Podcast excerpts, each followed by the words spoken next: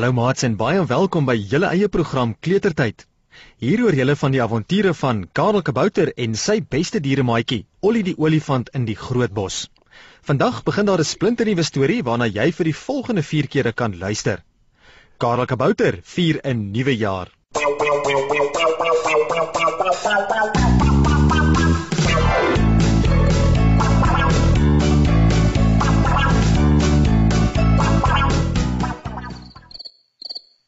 Dit is donker en die krietjies het lankal begin met hulle aandgeraas. Karel Kabouter sit op sy paddastoelhuisie se stoep en kyk na al die vuurwerke wat in die lug ontplof. Oral om hom is dit 'n geraas soos klappers afgaan. Sy beste dieremaatjie, Ollie die olifant sit langs hom en klap sy hande elke keer as 'n vuurpyl die lug in opskiet en in duisende sterretjies spat. Ooh, dis mooi Karel. Roep Ollie opgewonde uit. Sit vorentoe in sy stoel, waai met sy slurp en klap sy ore teen sy kop. Kyk, daar plof nog 'n vuurpyl. Kyk net die rooi en die groen en die geel balle wat uitskiet. En daar is 'n klomp silverblinksterretjies. Ek wens dis elke aand nuwe jaar dat ons sulke mooi prentjies in die lug kan sien en klappers kan skiet. Karel Kabouter skud sy kop en hy frons. Jy's baie mooi, ja, Ollie. Sê hy en trek sy mond op 'n plooi. Maar ons sal nie elke aand vuurpyle kan opskiet en klappers kan skiet nie. Dit kos te veel geld. En hoor net hoe raas dit. Ek wonder of die baie geraas nie die diere van die groot bos skrik maak nie. Gelukkig is dit net een keer in die jaar, nuwe jaar. Ollie die olifant hoor dat Karel nie so opgewonde soos hy is oor die vuurwerke nie en hy sit terug in sy stoel. Kan ons nie maar elke aand van die nuwe jaar net een vuurpyl opskiet nie, Karel? Dit sal nie baie kos nie en ook nie die diere skrik maak nie en dit sal mooi wees. Karel Kabouter kyk na Ollie wat so opgewonde is en elke nou en dan sy hande klap as daar 'n mooi vuurpyl ontplof en kyk hy weer op in die lug. Dit is baie mooi, Ollie, Sê Karel. Maar dit kan ook gevaarlik wees. As van die vuurpyle nog brand wanneer dit op die grond val, kan dit gras en hout aan die brand steek. Dit kan ook in jou hande en gesig ontplof. Dis hoekom ek nie met nuwe jaar vuurpyle en klappers koop nie. Ek is te bang. Ollie hou op hande klap en trek sy voorkop op 'n plooi. Hy het nie geweet dat vuurwerke so gevaarlik kan wees nie. Terwyl die twee nog so sit en gesels, is daar 'n geraas by Karel Kabouter se tuinhekkie. Iemand sukkel om dit oop te kry en ruk en pluk daaraan. Maak oop die hek asseblief. Ek moet inkom. Roep 'n fyn stemmetjie benoud. Julle moet my help. Karel Kabouter spring op van sy stoel af en hardloop na die tuinhekkie toe. Daar met groot oë so spierings sit Mani meerkat en bewe. Wat met keer, Mani? Vra Karel en maak die tuinhekkie oop. Mani meerkat glip soos blits by die tuinhekkie in en hardloop so vinnig as wat hy kan tot agter die stoel waarop Ollie die olifant sit. Mani meerkat gaan sit in 'n klein bonneltjie. Kyk benoud om hom rond. Sy asem jaag en hy fluister in 'n bewerige stem. Help my asseblief. Help my. Hy druk sy kop in sy hande en hy begin huil. Ollie die olifant sit vorentoe in sy stoel en loer om na waar Mani meerkat agter hom wegkruip. hoekom kruip jy weg, Mani? En hoekom huil jy? Vra Ollie en skuif sy stoel eenkant toe om vir Mani beter te kan sien. Mani meerkat hoor die stoel skuif, tel sy kop benoud op en gee 'n groot sprong om weer agter die stoel weg te kruip. Karel Kabouter het intussen teruggestap stoep toe en gaan sit op sy hurke by Mani. Toe maar, Mani. Sê Karel en sit sy arm om die bewende meerkat. Jy's veilig hier. Ons sal jou graag help. Wat het gebeur? Mani meerkat vee die trane uit sy oë. Hy wys met sy vinger in die lug op waar die vuurpyle een na die ander ontplof.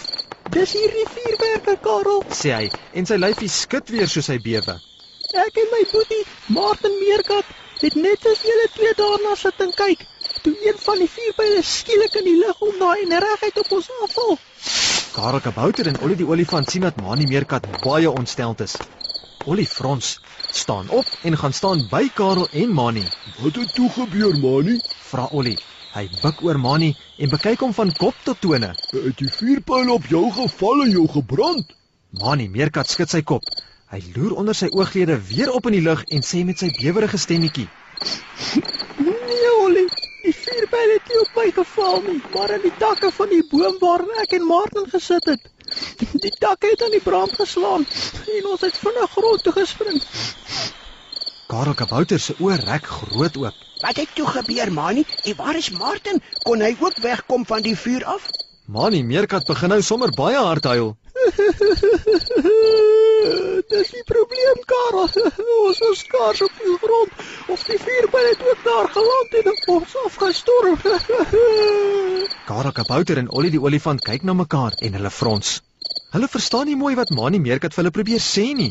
Ollie gaan sit nou ook op sy hurke voor Mani, Hoe bedoel jy nou, Mani? sê hy en kyk stip in Mani Meerkat se oë. 'n Vuurpyl is net 'n stokkie met 'n houertjie aan die punt wat in die lug ontplof. Vuurpyle het nie bene nie. Hoe kan 'n vuurpyl op julle afgestorm het? Mani Meerkat bedaar effens en hy vee die trane uit sy oë, Ek het ook so gedink, Ollie, sê hy en probeer in nog 'n kleiner bonneltjie wegkruip agter die stoel.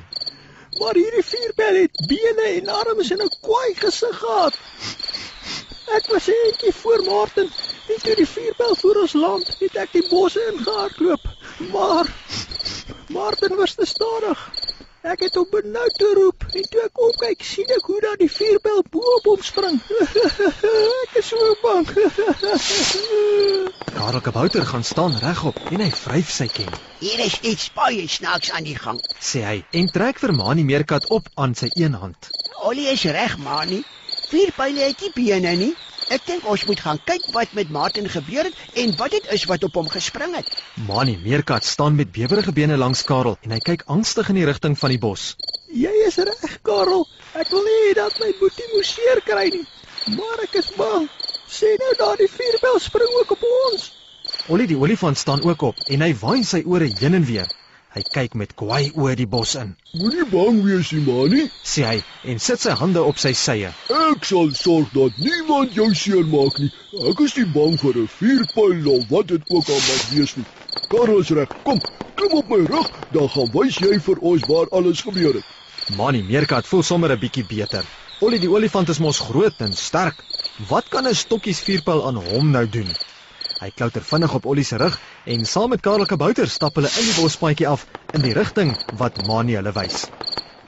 Toe hulle by die boom kom waar die takke aan die brand geslaan het, is daar niemand nie. Mani Meerkat spring van Ollie se rug af en hardloop na waar die afgebrande takke tussen die gras lê. Dis hier waar dit gebeur het, Ollie. Roep Mani uit en kyk om hom rond. Maar waar is my boetie Martin? Wat het van hom geword?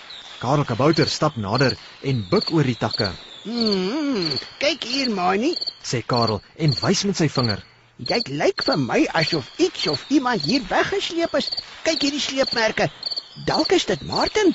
Ollie die olifant loer oor Karel se skouer en skud sy kop heen en weer, Ek weet nie so mooi die Karel. sê Ollie. Hoe kan 'n vuurpyl 'n meerkat vang en wegsleep? Iets baie snaaks is hier aan die gang. Hulle staan nog so in gesels toe hulle 'n harde geskree entjie verder in die bos hoor. Help me, Ida!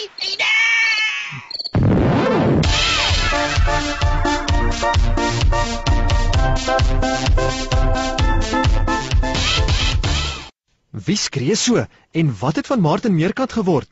Wie of wat is die vuurpyl wat hom weggesleep het? Kom luister volgende keer verder na Karel Kabouter vier 'n nuwe jaar.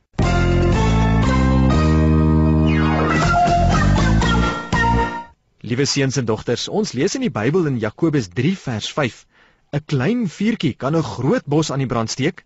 Die tong is ook 'n vuur. Om met vuur verbrand te word moet baie seer wees. Die Bybel leer hier dat ons tonge baie keer soos vuurhoutjies is. Elke keer wat ons van ander kinders of ons ouers sleg praat, steek ons hulle eintlik aan die brand, maak ons hulle seer. Kom ons vra vandag vir die Here om ons te help om van ons tonge brandblussers te maak wat eerder vure doodspuit net deur goed van ander te praat. Ek groet tot volgende keer. Totsiens.